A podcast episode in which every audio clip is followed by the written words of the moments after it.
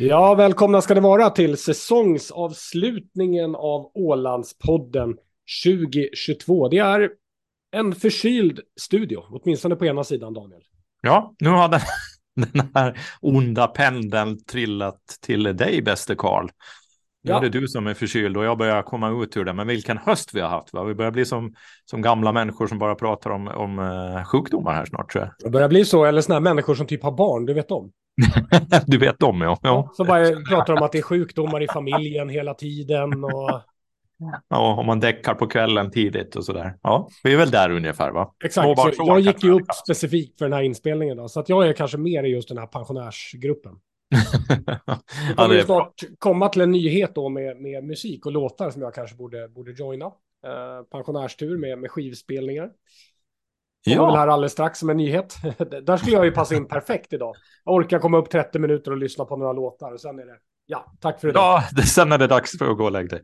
Frågan är om du, eh, när du ändå lyfter musik, måste jag fråga, har du, har du lys- lyssnat på eh, Anders Wiklöf och eh, Lasse Berghagens skiva då? Är det, som Har de en skiva?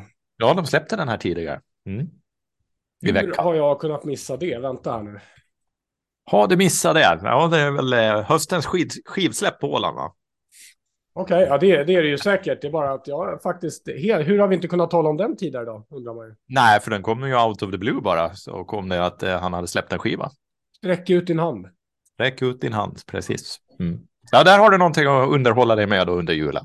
Onekligen, men du den kom ju, det är ju inte så konstigt att jag inte hört om den kom ju 16 december. Så den Ja, så är det. Så är det. Så det var i dagarna den kom. Absolut. Just det, och det är med Östersjöfonden. Men, men det där gillar ändå jag, för att vi har ju varit lite inne på, på samma sak ju. Mm.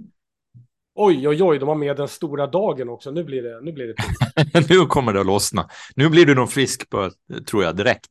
Utan bekymmer. ja, eller jag tänkte säga att om jag inte är frisk på julafton, kom och spela den, för då är det ju sista julafton när jag går. det så känns det så, stackare. Ja, uff. Ja, jag sitter och skrattar, ja, men det är medkänsla. Vi ska lite smått sammanfatta året, lite med Google Trender och så. Det kommer på ett tag, men vi börjar med nyhetssvep.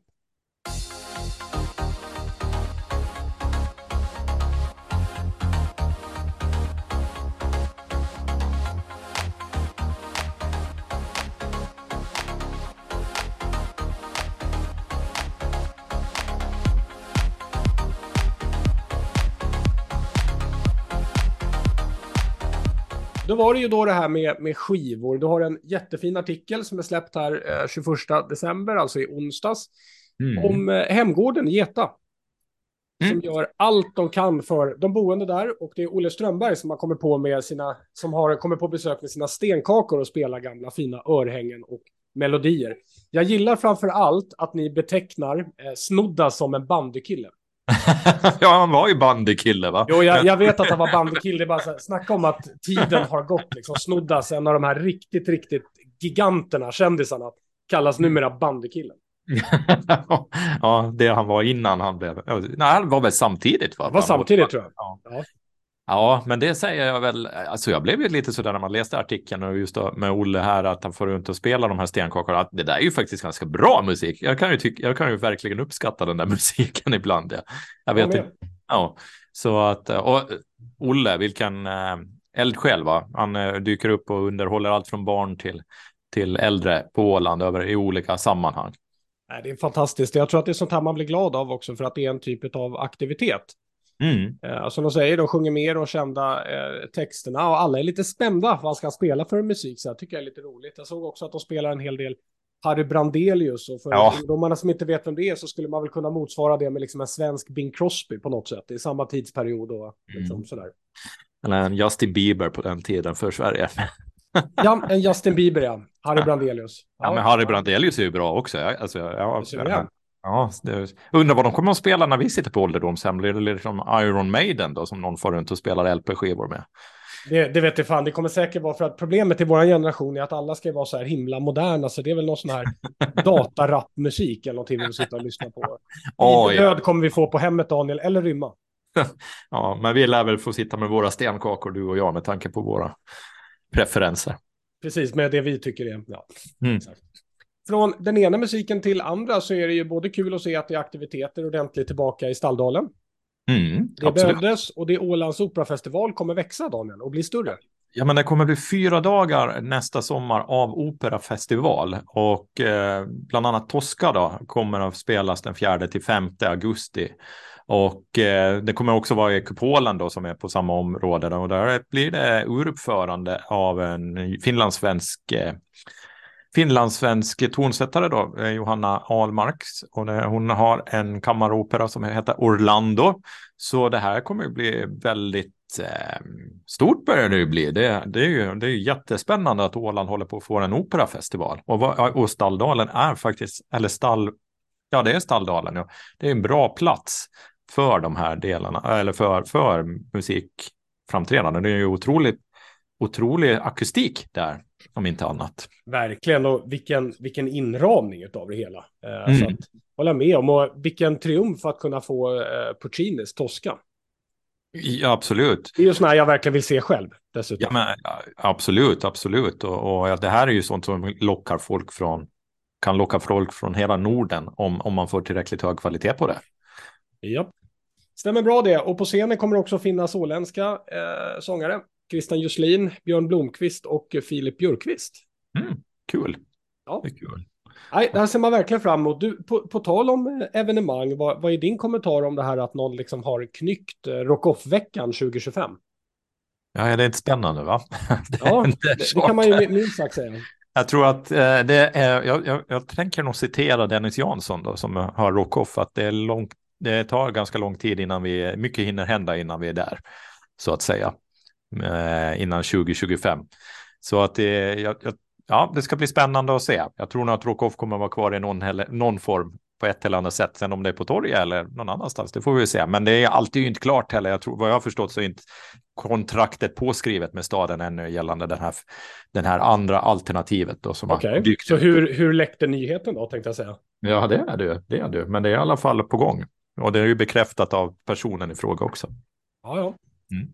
Ja, ja, vad vet man? Eh, enda jag skulle säga är att eh, en av de viktigaste nycklarna om man tittar på Ålands turism utan att gå ner i någon detalj, det är ju att vi på ett eller annat sätt skulle lyckas förlänga den här sommarperioden. Definitivt. Och, och, och samtidigt är det ju så att de här undersökningarna som har gjorts tidigare historiskt eh, visar ganska tydligt på att de som besöker Åland upplever att det finns för lite att göra på Åland, även fast Ja. det är högsommar. Så, så där finns det nog mycket att göra för det åländska samhället. Sen ska ju det lilla åländska samhället klara av också. Och vi ska komma ihåg att för att de här eventen och evenemangen ska fungera så är det ganska avgörande att ålänningarna besöker dem, annars blir det ingenting. Att själva massan Stämmer. fås där. Så, så är det. Och eh, vi, vi ska ju tala lite mer om det i januari, men ett intressant faktum, en ganska stor undersökning som vi har tittat på, du och jag, ja, från, eh, från Sverige 2021 och turismsäsongen. Mm. De har gjort en undersökning bland tusentals personer för att hitta just drivarna till varför besöker de en viss plats och vad är det de vill ha.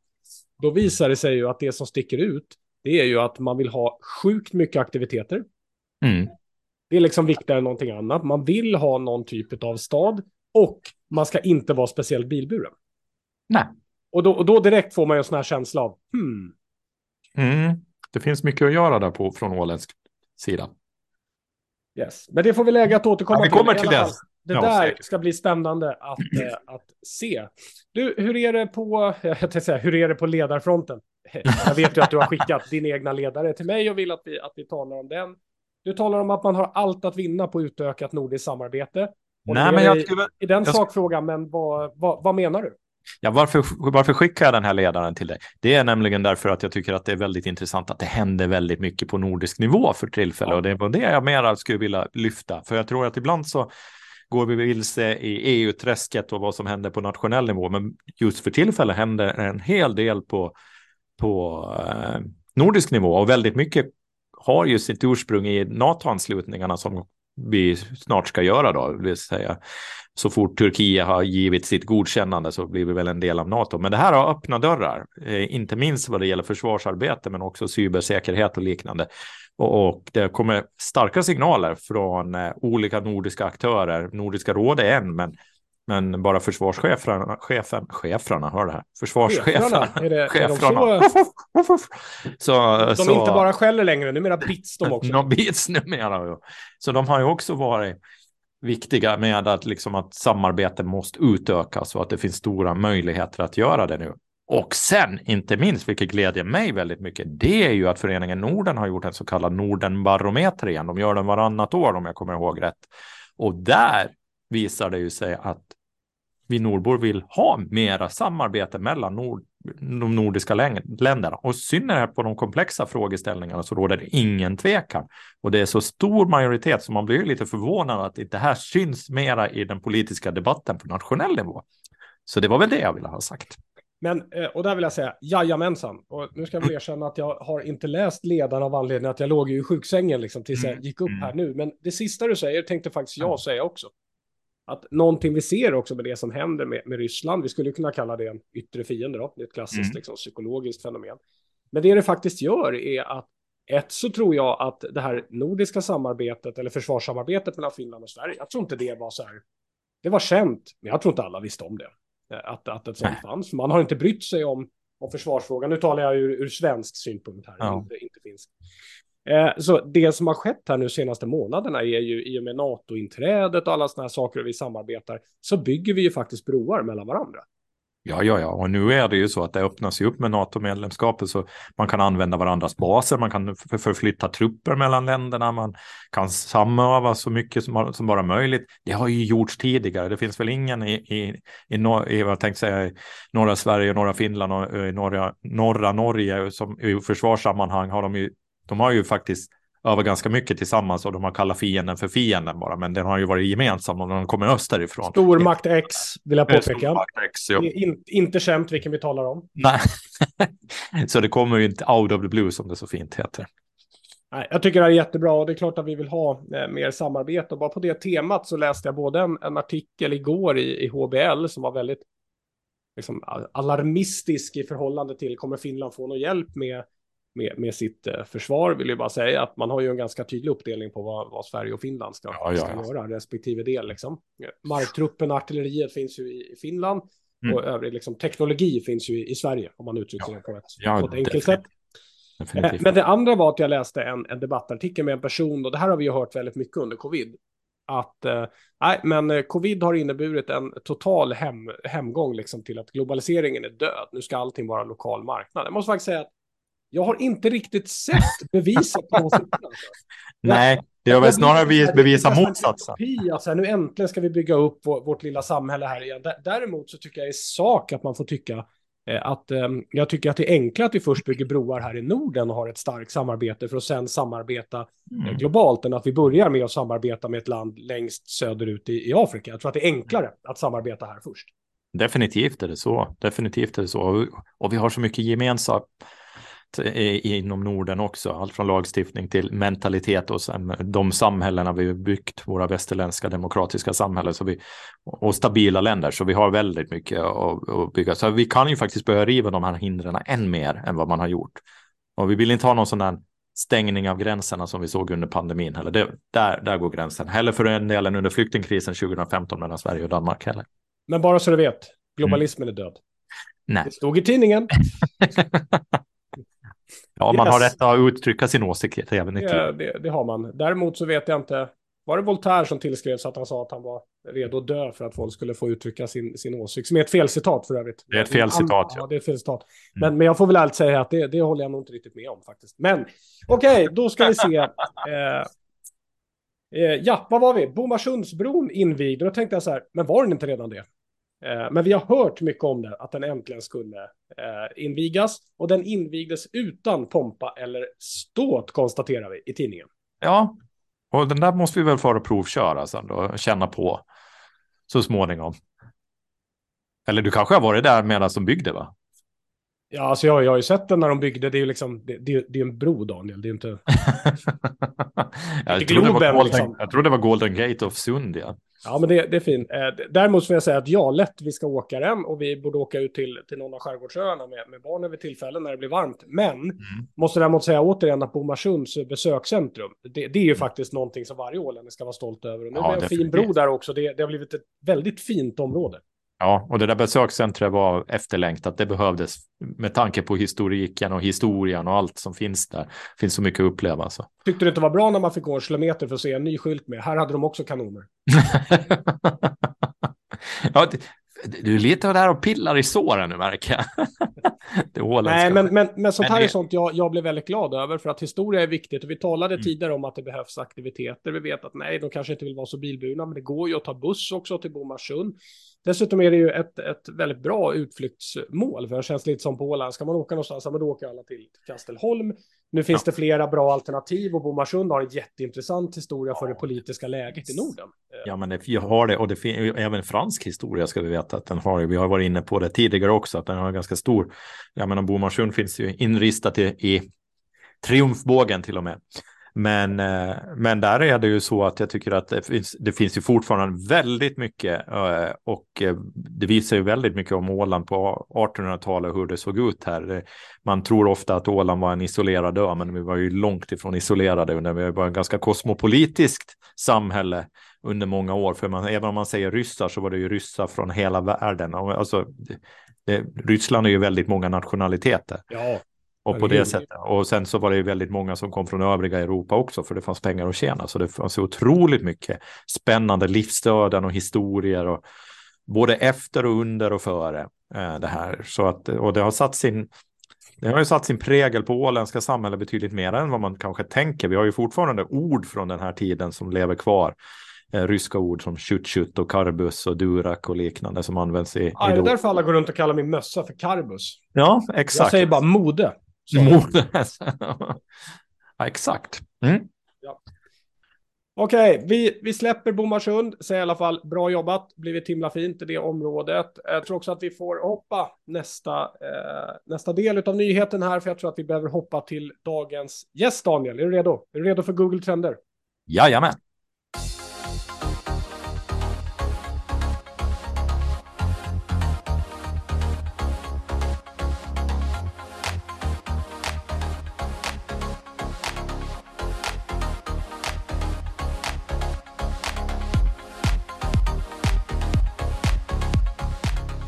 Ja, då är det dags för Ålandspoddens gäst den här veckan. Och vad ska man prata om om inte Google en sån här dag? Det börjar ju vi börjar närma oss slutet på året.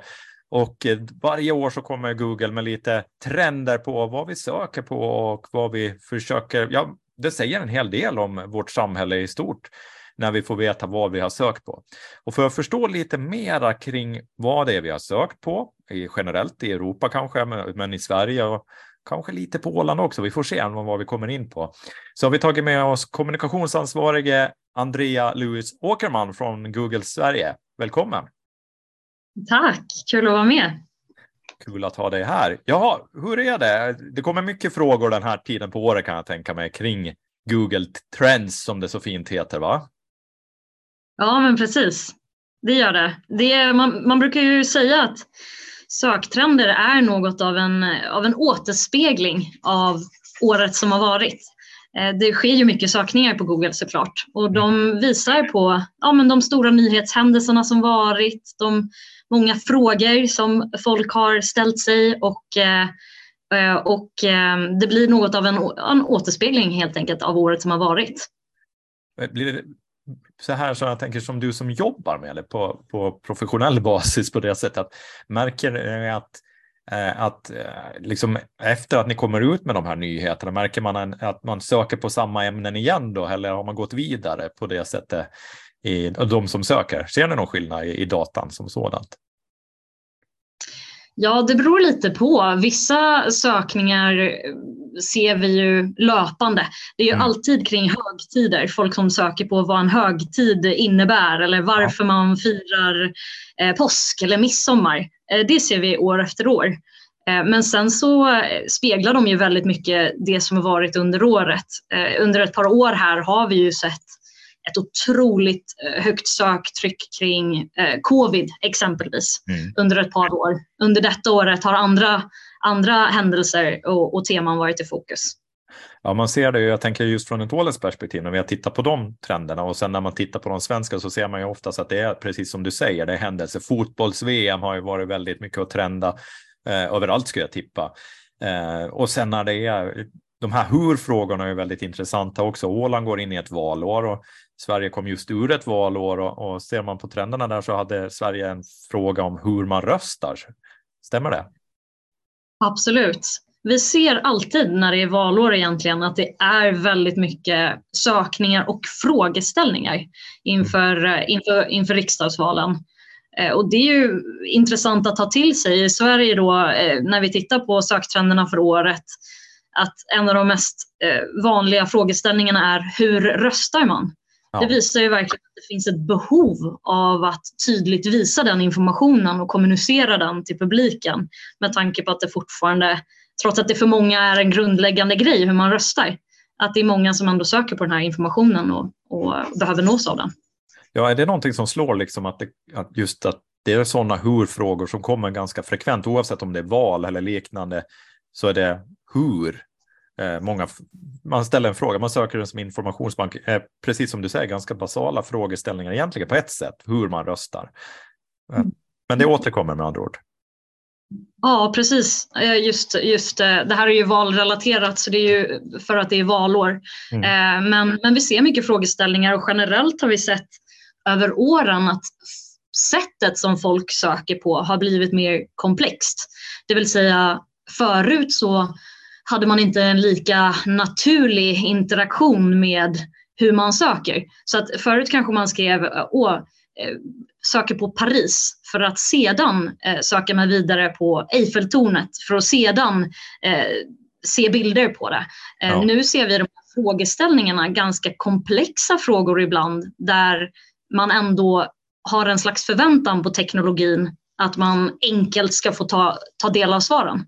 Mm. Eh, så när man söker på något som ja, hur många medaljer har Sverige i OS? Så mm. förväntar man sig att få ett snabbt och effektivt svar på den mm. frågan. För det där är ju det där är ganska utmanande. Ni, ni, till, ni tillgängliggör ju egentligen den här möjligheten att söka informationen, men ni sitter ju inte på informationen alla gånger heller. Ni är i behov av att hitta den informationen och relevant och på svenska också, såklart, ganska långt. Verkligen. Eh, Google är ju en, en liksom aggregator av hemsidor på nätet och vårt ansvar och vår uppgift är ju att hela tiden försöka säkerställa att vi med hjälp av att uppdatera våra algoritmer eh, göra att vi, att vi visar så, så relevanta och, och kvalitativa sökresultat som möjligt när människor söker på olika saker. Mm. Nej, men och det, jag tänker också att, att det finns ju vissa saker när man tittar på statistiken så, här, så ser man att vissa saker så, så är specifikt för Sverige, kanske för Åland och för Finland vissa och så här. Men det finns ju en del som går igen över, över vad heter det, nationsgränserna ganska långt och Ukraina är väl en sån sak som har slagit igenom ganska hårt och jag tippar också NATO, vi kommer att komma till det senare i programmet när Karl och jag tittar närmare på Åland, men NATO är ju någonting också som har varit väldigt i ropet så att säga det senaste året. Men hur ser det Nej. ut? Liksom? Hur, är det?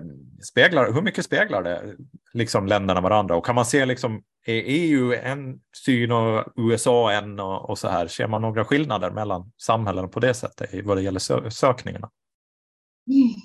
Jättebra fråga. Vi ser om man tittar på de mest sökta termerna i Sverige eh, under året som har varit så är det verkligen en reflektion av stora nyhetshändelser såväl lokalt som internationellt. Så på väldigt många av de här listorna världen över så, så toppar ju, eller trendar, Ukraina sökningar relaterade till kriget i Ukraina. Mm. Eh, så, så eh, där är det, är det ett högt söktryck oavsett var, var i världen man befinner sig. Eh, vissa blir såklart mer, mer lokala det är väldigt många som har sökt på Börje Salming och mm. att han gick bort här under hösten. Det är ju, eh, han sörjs ju förvisso också världen över men vi har ju sett ett speciellt stort söktryck här i Sverige. Mm. Eh, ett par andra lite roliga reflektioner är att ett, ett ordspel som faktiskt är amerikanskt och ägs av New York Times, det heter Wordle. Mm. Eh, det har blivit jättepopulärt under 2022 och toppar också jättemånga av de här söktrendslistorna världen över, Just inklusive det. i Sverige. Det är spelet där man ska gissa sig fram till ett ord bestående av fem bokstäver, va? Om jag kommer ihåg rätt. Precis, mm, mm. exakt. Ja, men, eh, så det är väl en lite spännande, det, det, det tänkte jag på faktiskt när jag tittar på det här, att hur kommer det sig att, att att, eh, att liksom ett sånt spel slår igenom, men tydligen har det slagit igenom i den breda massan så att säga. Ja, det var ju New York Times som då köpte upp det mm. i, eh, i början på året tror jag det var. Så det har väl också lett till att det fått mer uppmärksamhet än tidigare. Mm. Är det något annat som du tänker sådär att det är lite överraskande? I frågeställningar eller vad man har googlat på? Är det någonting som har slagit dig?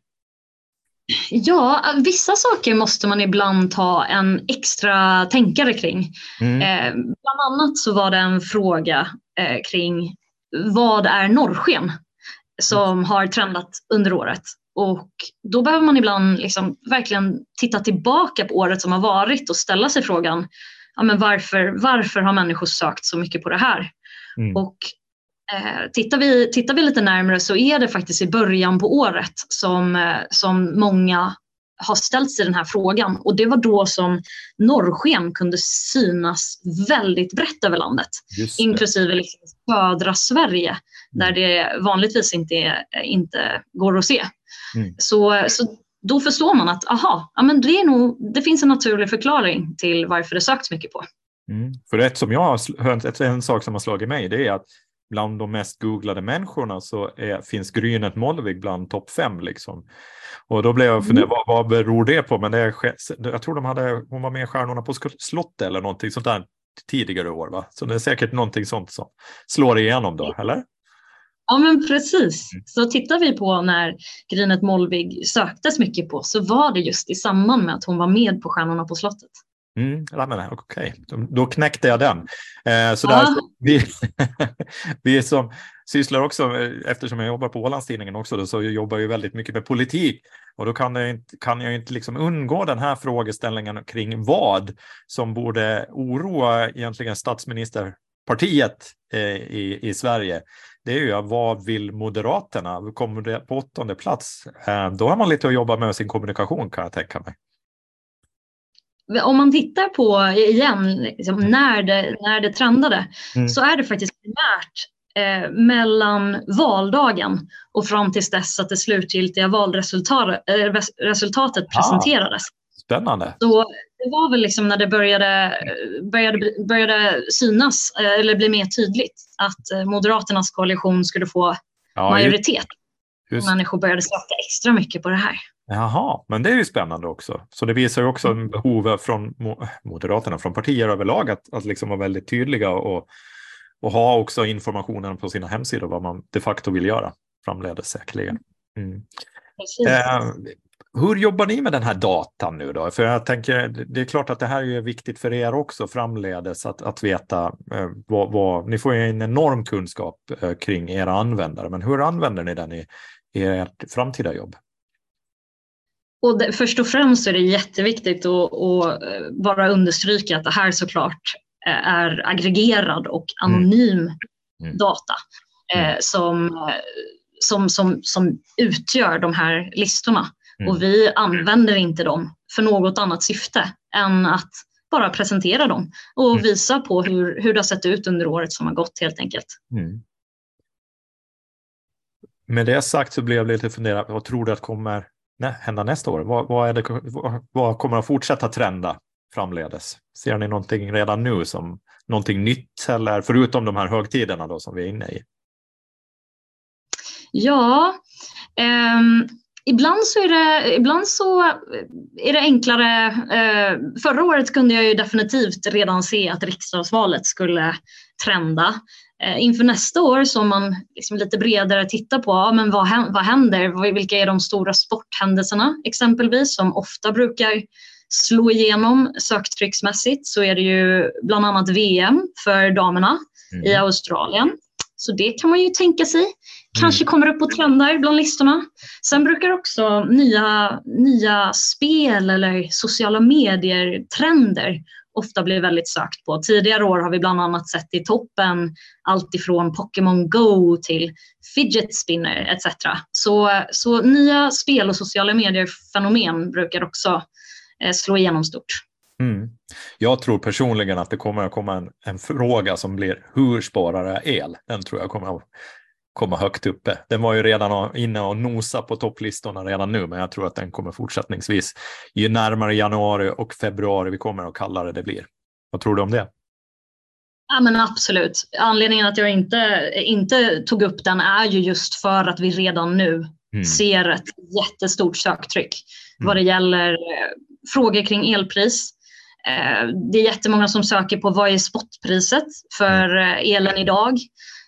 Det vill säga människor som försöker att navigera vardagen och, och man ser liksom en viss oro mm. där människor känner att de behöver ta del av mer information för att få hjälp i hur de faktiskt ska lägga upp sin strategi för exempelvis elförbrukning i hemmet. Mm. Mm. Det är jättespännande det här Andrea och jag tror att vi skulle kunna prata hur länge som helst kring de här siffrorna för det går att hitta hur mycket data som helst och den som är intresserad kan ju själv gå in på Google Trends för att få en liten inblick i det. Man behöver vara lite lite försiktig med hur man trycker och vilka variabler man sätter in för att få ut datan, för det är lätt att man går vilse och, och drar felaktiga slutsatser om man inte är försiktig. Men eh, var, var hittar man datan? Men man kan gå in på eh, våra söktrender som vi sammanställt är baserat på ett par olika verktyg men det publika verktyget är ju just Google Trender. Så där så kan man gå in själv och söka sig runt och, och utforska och se om man kan eh, ja, sammanställa lite intressant data på det ämne man är intresserad av. Mm. Så kan man få veta mer om det är någon annan som bryr sig om samma sak som man själv. Precis. Tusen tack Andrea för att du tog dig tid och berätta lite mer om Google Trends och vad som, som toppar. Eh, vi ska gå vidare i programmet och då ska vi se lite närmare på vad enligt Google Trends är intressant på Åland 2022. Tack ska du ha Andrea. Tack snälla.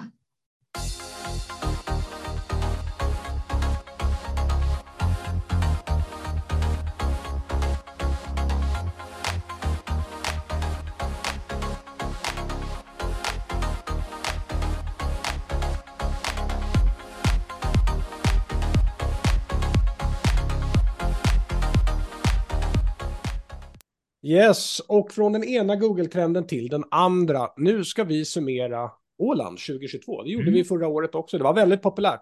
Eh, det var många som tyckte att det var väldigt kul. Folk hörde av sig mm. med, med kommentarer och grejer och ville att vi skulle göra alla möjliga an analyser och det där fick vi till och med tidningsuppslag på till slut. Eh, ja, ja, absolut. Till slut lossnade ja. konstigt nog. Äntligen. Äntligen. Eh, men vi, vi, ska börja med att det, det, finns en sak som sticker ut väldigt mycket i mm. årets Google Trend-statistik. Eller egentligen två saker. Och den ena är någonting som har med Timo och Hanna att göra. Nu sätter jag en liten sån här liten... Vad är det? Alltså? Ja, en liten cliffhanger här. Tills vi, mm. Och så slår jag igen klaffen sen, Daniel. Mm. Eh, och den andra är ju att det finns i princip inget sökår på Google där det har varit fotbolls-VM och inte den toppar. Men den toppar inte på Åland. Nej.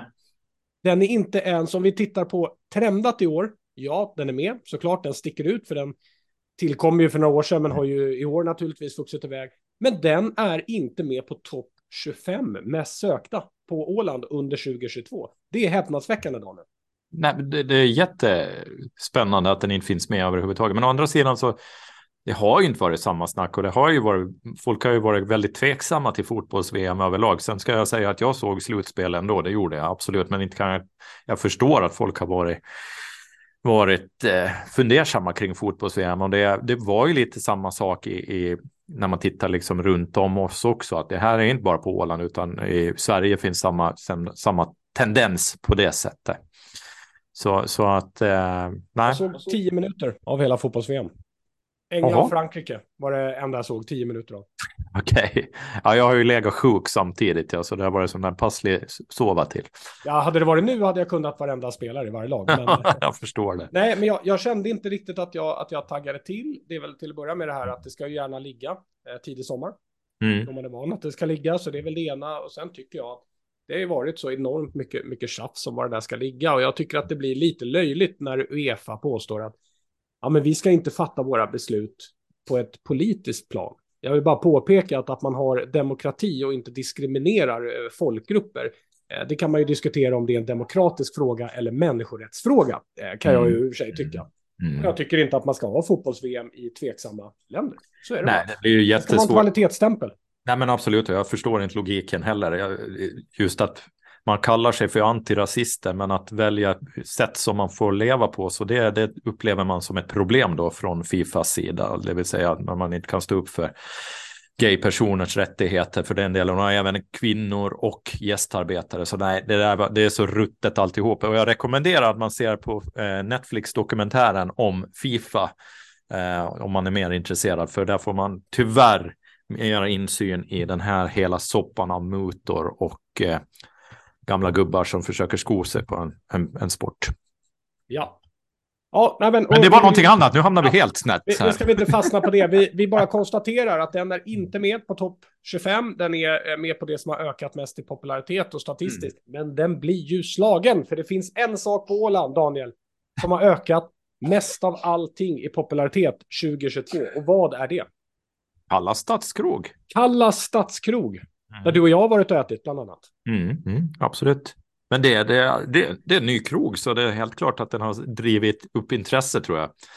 Eh, sen är det ju så, jag menar, tittar du vidare på den här åländska listan så är det Wordle och Ukraina, precis som i Sverige och Finland också. Att det, det är de, där har du de topp top tre. De kalla stadskrog tror jag inte ligger bland de topp tre i Sverige och Finland heller. Eh, inte ännu. inte ännu. Working on it. Working, on, it. Ja. Men om vi, om vi tar lite kort här då från listan så är det väl det är lite så här små omplaceringar från föregående år. Precis som föregående år så är det Åland som är mest sökt. Mm. Ålänningar googlar mest på Åland och efter det Mariehamn. Eh, och sen förstår vi att nyhetsmediet som dominerar det är Aftonbladet, för den kommer in på tredje plats. Sen är det Expressen. Och sen är det Ålandstidningen och jag får mig att ni brukar pendla de här tre mellan varandra.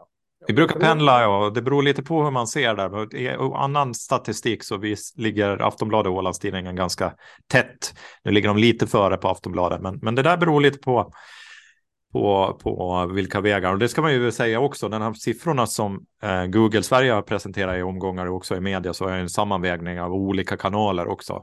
Så att det, det finns data från olika håll och kanter. Men Aftonbladet, Expressen, Ålandstidningen i den ordningen. Jag tror också att den, den riktigt stora skillnaden då i år också var ju det att eh, covid var lite över, så innan det hade ju också, alltså Ålandstidningen var väl i princip etta eh, året innan. Och det var ju för att man läste ju oerhört mycket covid-nyheter. Nu är det säkert ett år också där man läser mer internationella eller nordiska nyheter. Och det förstår man ju att det är så. Eh, Def definitivt, och man ser det ju också om man ser på, på ämnen som sådan. Så är det väldigt mycket också utifrån som är intressanta ämnen. Ja.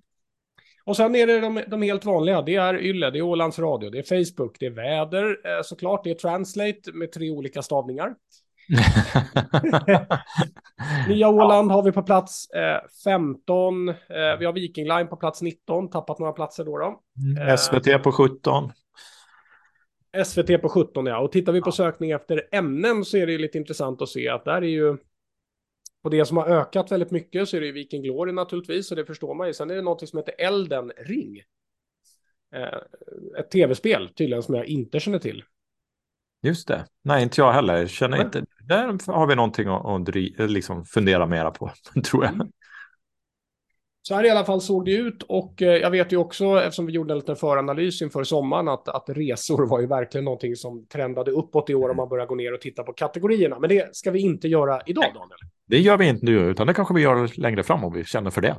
Yes. Ska vi tala lite om, för de som vill ut på evenemang och så vidare under juldagarna, så kommer det lite hälspaning här.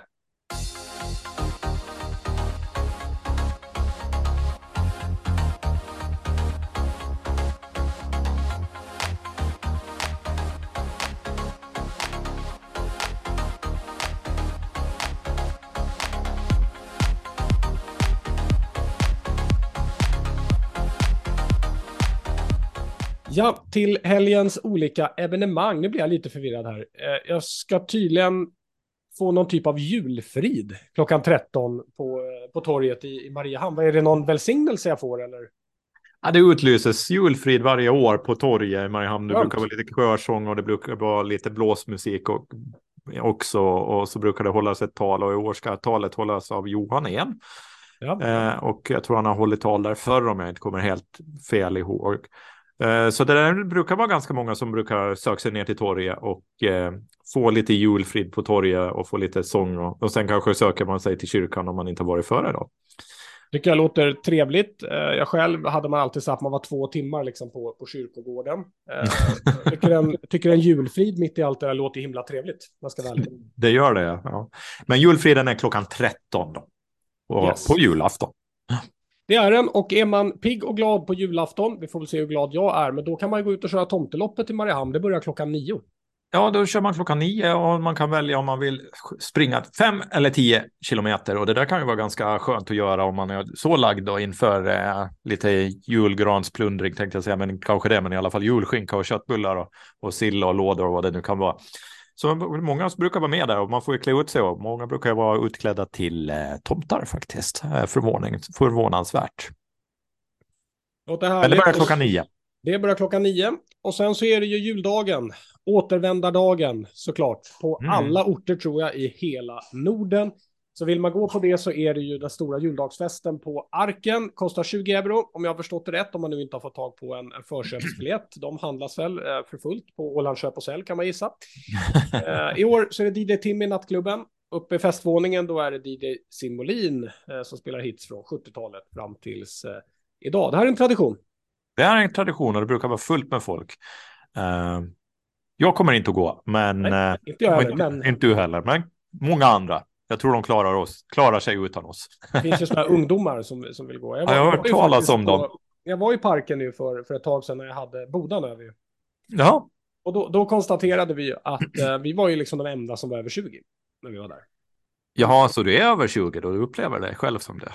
Ja, själv, själv och själv. Nu tycker jag inte vi ska gå ner på enstaka siffror, men ja, några år förbi 20 har jag ju passerat. Ja, du har ju det. Du har ju det. Ja, du med. Men vad kul! Det blir säkert en rätt, jätterolig fest. Yes, och sen så är det mycket reklam om eh, jullovet på Ålands sjöfartsmuseum, så gå in och titta på det om det är något specifikt ni vill mm. gå på där. Och sen så är det ju även jullov på Kulturhistoriska, mm. med det som heter Ålandsäventyret, Daniel. Mm. Ja, det är en hel del eh, på de här museerna och det är varje dag eh, under jullovet. Och de har börjat klockan 11 är det öppet och sen är det öppet på Sjöfartsmuseet till klockan fyra och på Kulturhistoriska till klockan 17. Och eh, på Kulturhistoriska då så är det lite sagor och, som berättas och lite traditionella instrument som används. Och på Sjöfartsmuseet så är det familjeguidning och sen är det havsmonsterutställningen där också som du kan besöka. Yes. Och har man inte fått nog med motion, då är ju nyårshuset också på nyårsafton kan man ju springa den. Jag älskar att det inte finns någon tid. Får man springa den när man vill? man får springa den precis när man vill. Men eh, ja, det, det, ja, några brukar ju springa där runt tolvsnåret, va? Ja. Så, så att nej, nyårsrus är också en tradition, men det finns mer information på nätet för den som behöver få mer information. Det är bra det. Från det ena till det andra så är det här säsongsavslutningen av Ålandspodden. I januari, vid, vid något tillfälle, vi har inte satt datumet ännu, så ska vi väl återkomma med någon liten, någon liten typ av specialserie. Vi, vi får väl anledning att återkomma till det i början av januari, men fram till dess så önskar vi er god jul och gott nytt år. Och till dig också Daniel. Ja, och till dig med, gode Karl, och hoppas att du blir frisk nu. Ja, tack.